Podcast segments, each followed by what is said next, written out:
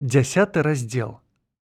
Алілюя, ізраільцы тварам чырвоныя. Гогэй! загарлаў фурман з козлаў і ледзьве не ўгрэў пугай дзвюх жанчын, што стаялі пасярод ці не самай шумнай вулкі горада Абалдуйска. Абедзве трымалі па кошыку, а ў тых кошыках зборка ляда. Хлеб і мяса, радзіскай хрэн, цыбуліны і часночыны, а таксама іншая гародніна. Адна другой яны злівалі душу на вушка. Ажно чуваць было за кіламетр. Гаваркія жанчыны нажахана разбегліся. Адна стала з гэтага боку дарогі, другая з таго. Гукаюць адна адну, каб завяршыць размову. Голас іх ляціць у паветры, перакрываючы гаману фурманаў, шум брычак і нагружаных дровамі падводаў, што едуць па вуліцы шчыльна, пальца не ўсунеш. Го-го, груны крэйны, Прыходзь увечары да гадалкі. Ці чуеш? Я з маім буду. Таксама хоча прыйсці твой кавалер. І ён прасіў мяне пераказаць, што будзе весела. Пазабавімся там прыходзь. Прыходзь дурненькая, не пашкадуеш. Груны крэйны, Го! Што скажаш? Мая гаспадыня, халера яе пабірай. Хоча пачаставаць мяне працай, прымушае замесіць цеста, ды перацерце крупы. Але я неяк выкрышуся. Але глядзі добрыш, Прашу, каб гэта засталося між намі. Рот на замок. Не ляці груны крэйны, Чакай трохі. Халера не возьме тваю гаспадыню, калі вячэра адкладзецца яшчэ на одну гадзіну. Есці хоча змяя ненаедная. Хай жарэ прах, а шуканка і гадзюка. Галоўнае забылася, груна крэйны. Не прасявай так мукі. У тваім вотруб'і мукі няма, бакаленіца не ў захапленні. Колькі ў цябе засталося пасля паходу на рынок. Ой, добры ж, пусты кашалёк. Ой, лавіце вы гэтага валацугу, сунуў руку ў кішэню і даў драла, каб цябе самога так схапіла і падкінула. Што здарылася груны крэйны, Што ты так галасіш? Злодзей добры ж, амаль што скраў кош з рук. Цуд, што я ў той момант якраз ухапіла яго мацней. Глянь груны крэйны, Што яны там стаяць таўкуцца, Не іначай зноў у горадзе пажар. Ужо другі за сёння, баюся, не апошні. Ніякіх званоў не чуваць добры ж. Калі быў пажар, званілі б званы. Ша, Вось і маклерка ідзе, спытаем яе. Сімы двосе, што яны так увіхаюцца? Нічога не ведаю, нічога не чую, а душа мая ў такім стане не ведае смутку і гора Амен. Можа, нехоме гісе ў курсе. Нехоме гісе, што там за натоўп, моя душа? Качкі твае кракаюць моцна, але з іх квахтанні нічога не чуваць. Годал сёння нарадзіла. Ідзі да яе, там і прадасі качак сваіх, А курыца твая колькі. Гэтыя гусакі такія ўкормленыя. Але ж яйкі сёння даражэзныя. І пеўня таксама маеш. Дык што там заверхал, Скуль жа я ведаю. Нехта крыкнуў ізраільцы тварам чырвоныя. Ды што ты кажаш? Ізраільцы тварам чырвоныя прыйшлі, закрычалі ўсе жанчыны і паспяшаліся збегчы. Хадзіце і глядзіце, дочки ерусалімскія. Ой вушастыя гадзюкі, Ой саламонавы чарвяк, Алілюя ізраільцы тварам чырвоныя, пачуўся на вулках абалдуйска з усіх бакоў трубны голас дзетак з белай кампаніі, і натоўп стаў пладзіцца і множыцца. Ізраільцамі тварам чырвонымі выявіліся нашы вандроўнікі, Беньямін і Сэндерл, якія ўцяклі пасля таго выпадку на мосце. Прыбылі ў горад Абалдуйск, дзе цягам двух тыдняў мусілі здабыць пэўную рэпутацыю. Шмат хто забалдуйцаў цешыўся з іх вялікай радасцю. Гэтаксама як цешыліся з аднаго мясцовага шаўца, у якім незадоўга да апісаных падзеяў абалдуйцы западозрылі месію. Тулцы і трэйны, дзве кабеты знакамітай сваю сціпласцю і пабожнасцю, у суботніх прыцемках з хусткамі чыстыя бавоўны на галовах выходзілі за горад. Дык вось менавіта ім выпаў гонар першымі ўбачыць нашых шаноўных вандроўнікаў, якія ішлі з цемрава. Каб з гонарам і на добрае шчасце увесці іх у межы абалдуйска. Ужо праз некалькі секунд нашы праведніцы выведалі ўсё дашчэнту. Хто яны такія, куды яны рушаць і якія ў іх заслугі. Усцешыліся жанчыны. Тулцы і трэйны какетліва штурхаюцца. Ого, тулцы! Бач, што робіцца трэйны. Тулцы латае нашым вандроўнікам шкарпэткі, а трэйны зашывае ім працёртыя халаты абедзве цешацца за салоды і ціхамірнасці так нібыта вярнуліся ў часы юнацтва калі хадзілі нявестамі словам тут у абалдуйску знайшлі нашы вандроўнікі удзячную публіку. Толькі ў абалдуйску разумеюць такіх людзей і могуць ацаніць па заслугах у абалдуйск суродзічы хто з вас адкрыты сэрцам і ветрам падшыты настаўляйце ветразе і кіруйце стырно у абалдуйск. Беньямін у сваіх творах таксама выказаў павагу гэтаму гораду. Калі вы прыходзіце ў абалдуйск апівудавіцкім трактам, пакорліва вас прашу. Не забудьцеся спадарства абмінуць там адно балотца. Пасля яшчэ адно і яшчэ. А пасля яго вы ўбачыце вялікую багну, куды гаспадары дамоў вывелі ўсе трубы і памыйныя сцёкі, якія прыносяць штодня, нешта новенькае. Кожны дзень непаўторная прадукцыя розных колераў і адметных пахаў. З іх заўсёды разнастайных і робіцца зразумела, які сёння дзень тыдня. Калі скажам цякуць спясочаныя воды, якімі мылі падлогі, несучы з сабой рыбную луску, кішкі і цыплячыя лапкі, жмуты поўсці і кавалкі апаленых капутоў, усё ясна шаноўнае спадарства. Гэта пятніца. Бярыце шайку венік і марш пакорліва вас прашу у лазню. Калі трапіцца ў багне шкарлупінне ад яек, шалупайкі цыбулі і рэцькі, жылы, плаўнікі селяца і высмактаныя храпціны, добрыя вам суботы, суродзічы. Хай вам лёгка спіцца пасля запяканкі з локшыны. Бачыце струменьчык, што ледзьве-ледзьве цурчыць, у якім гайдаюцца і калываюцца парэшткі падгарэлай кашы. А таксама кавалкі сухога цеста, выцвілая ануча і паламаная мяцёлка.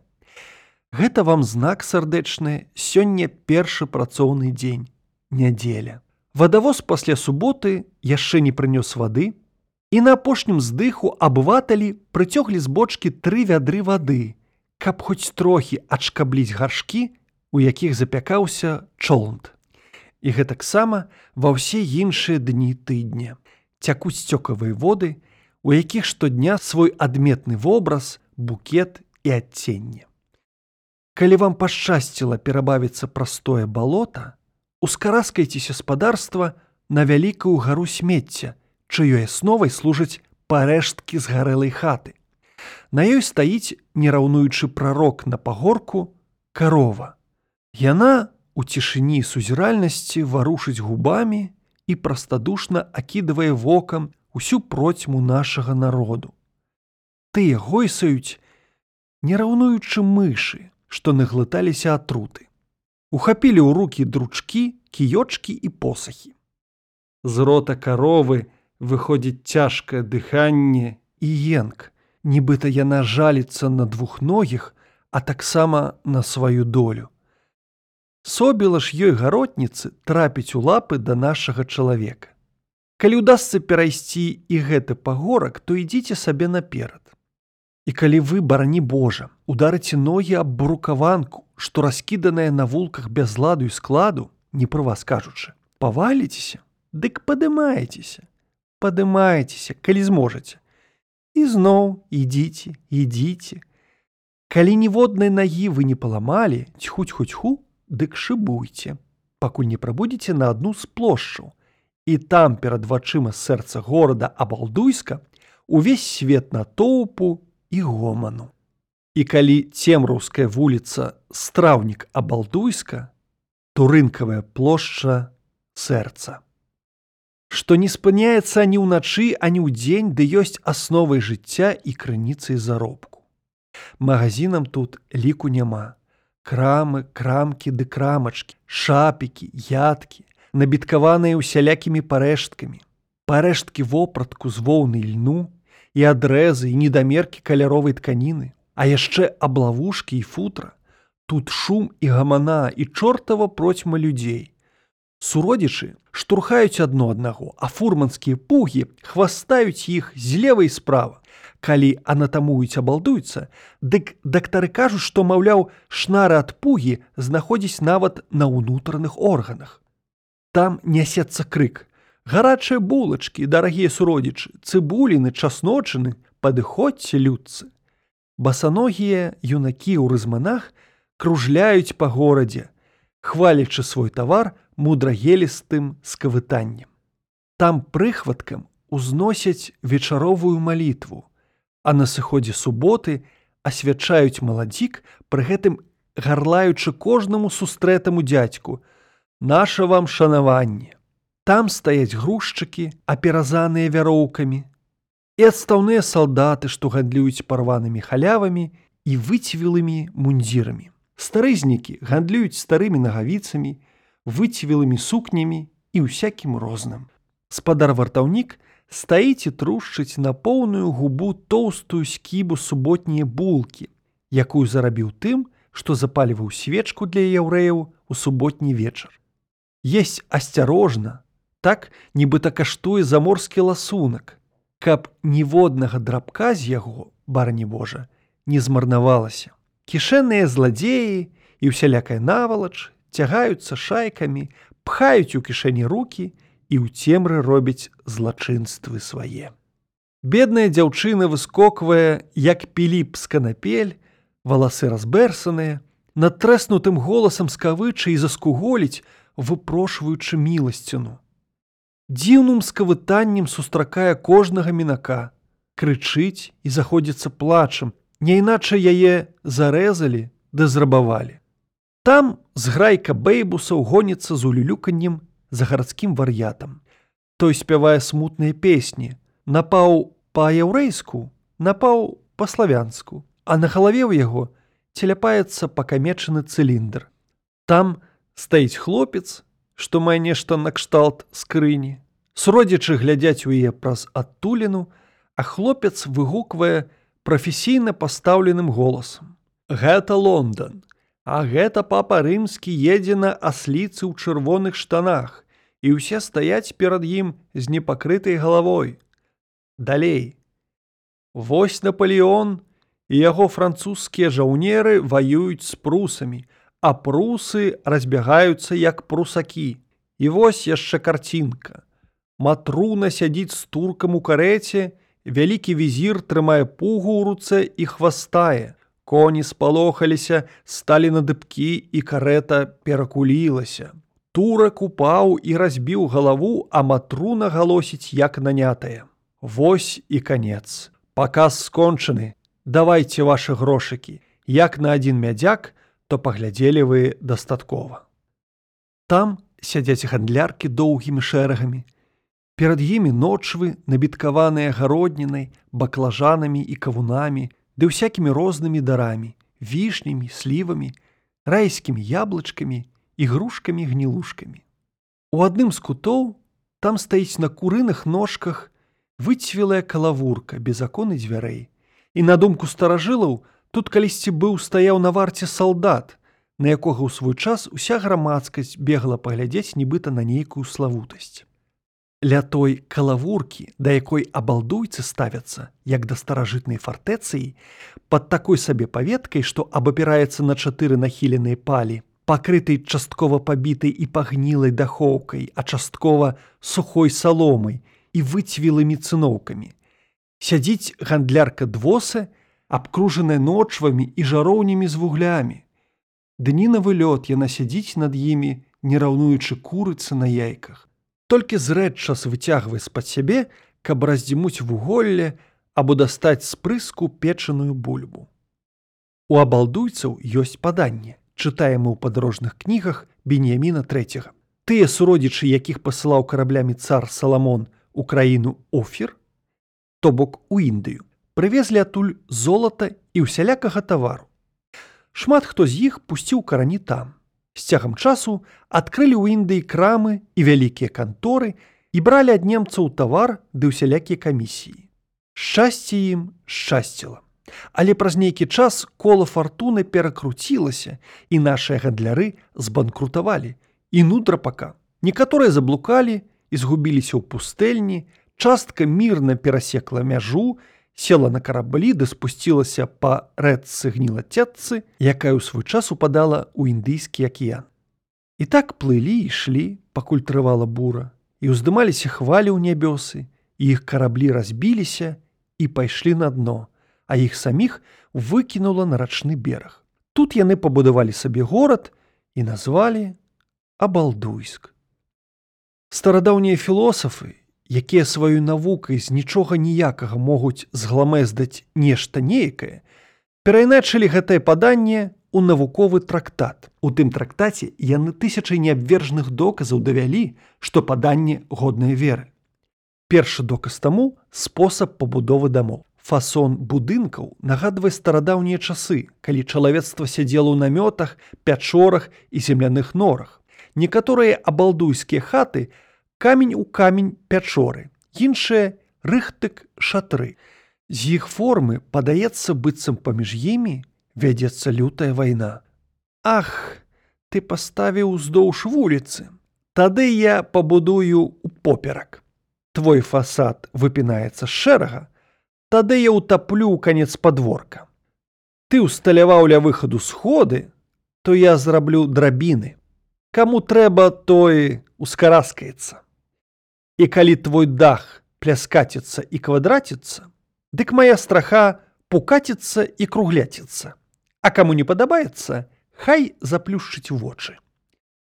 Словам, уся гэтая абалдуйская архітэктура адсылае да старадаўніх дойлідаў з біблійных часоў. Другі доказ звычая абалдуйцаў. У іх захавалася ўсё, што было ў даўнейшых індусаў. Пісьмо і лік да іх яшчэ не дайшлі. Таму грамадскія дзеячы і гандляры запісаў не вядуць, а скарбнікі і бухгалтары да сваіх дзеянняў справаздачы не далучаюць. Па-трэцяе, гэта касты. У абалдуйску усё роўна як у Індыі людзі жывуць кастава, напрыклад, каста заграбастых, якія парадкуюць свет вакол сябе моцнай рукой. Каста шакастых што прыкрываюць загарбастых, б'юцца за іх з непрыяцелямі і за службу атрымліваюць таксу на мяса. Каста віхлястых, якія бяруць і ставяць чалавека на слізкія шляхі, а самі выслізваюць ад адказнасці і ўюцца як вужакі на патэльні. Гэтая каста ў сваю чаргу дзеліцца на дзве падкасты, на зубастых, ветлівых і дабітных, што замыльваюць вочы, прафесійнай усмешкай і языкастых клірыкаў, што льюць у вушы ялей. І апошняя каста каста лапухастых. Гэта просты народ, які працуе для дабрабыту рэшты кастаў і да смерці баіцца іх. Чацвёрты доказ манета, якую знайшлі падчас рамонту рачнога парома.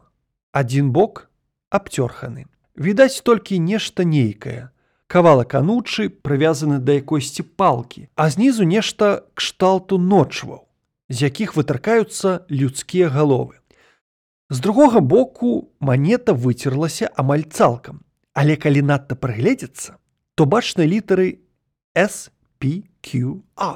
Навукоўцы ўбіліся ў даследаванне размытага почерку і высунулі некалькі дапушчэнняў.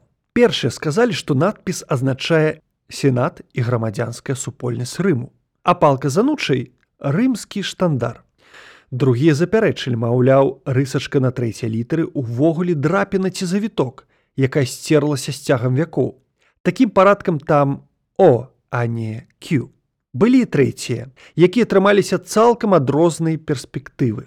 Верхал падняўся неймаверны. Пакуль да дыскусіі не падлучыўся разумны чалавек, разгадчык сакрэтных кодаў. Ён паглядзеў на напісанае уважлівым вокам і сказаў: « Які на халеру старажытны рым, якая грамадзянская супольнасць, надпіс па-праславянску. Яго трэба разумець, сюды прыйшлі з оферу парэдцы. А ануча з палкай і галовамі надночвамі, карабель з ветразем і мараходамі. Гэты даследчык пра сваю знаходку нашрэйбаваў таўшчэзны фаліянт, у якім звярнуўся да абалдуйцаў з просьбай вычысціць рэчку гнілацечку, бо там знойдзецца шмат знаходак са старажытных часоў, якія праліюць святло на іх паходжанне. Але тутэйшыя адмовіліся, сказалі, што зямлёй закрыта, няхай будзе забыта. Або іншымі словамі, культурны слой ёсць агульным набыткам і мы не ўправе гэтыя цудоўныя рэчы парушаць.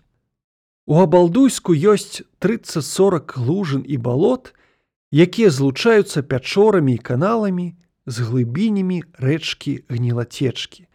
Часам, асабліва перад пейсахам, выходзяць берагоў і затапляюць вуліцы рынкі халепай і тванню, такім глыбачэзным слоем, што нават у людзей мажных і выгоністых, пэцкаюцца капелюшы. У абалдуйску разганяе цемру адзін ліхтар, а начныя вуліцы патрулююць двое вартаўнікоў. Нягледзячы на гэта, уначы людзі ўсё роўна аступаюцца і ламаюць галовы. І от ты хоць што крадуць. З гэтага можна зрабіць павучальную выснову, што ад ліхой навалы асцерагчыся няма як. Што наканавана небам, тое пальцам не размажаш. Бо ўсе чалавечыя вынаходствы і хітрыкі, марная марнасць і нейкае абы што. Таму, працягнуў Беньямін, нам нічога не застаецца, як заплюшчыць вочы ды ісці на ўслеп, паклаўшыся на Господа ўсімагутнага.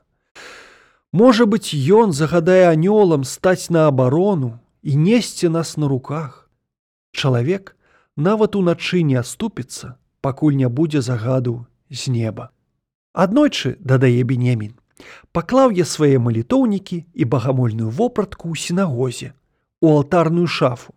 Ці магло быць у свеце больш надзейнае месца. Аднак Божай волі на гэта не было.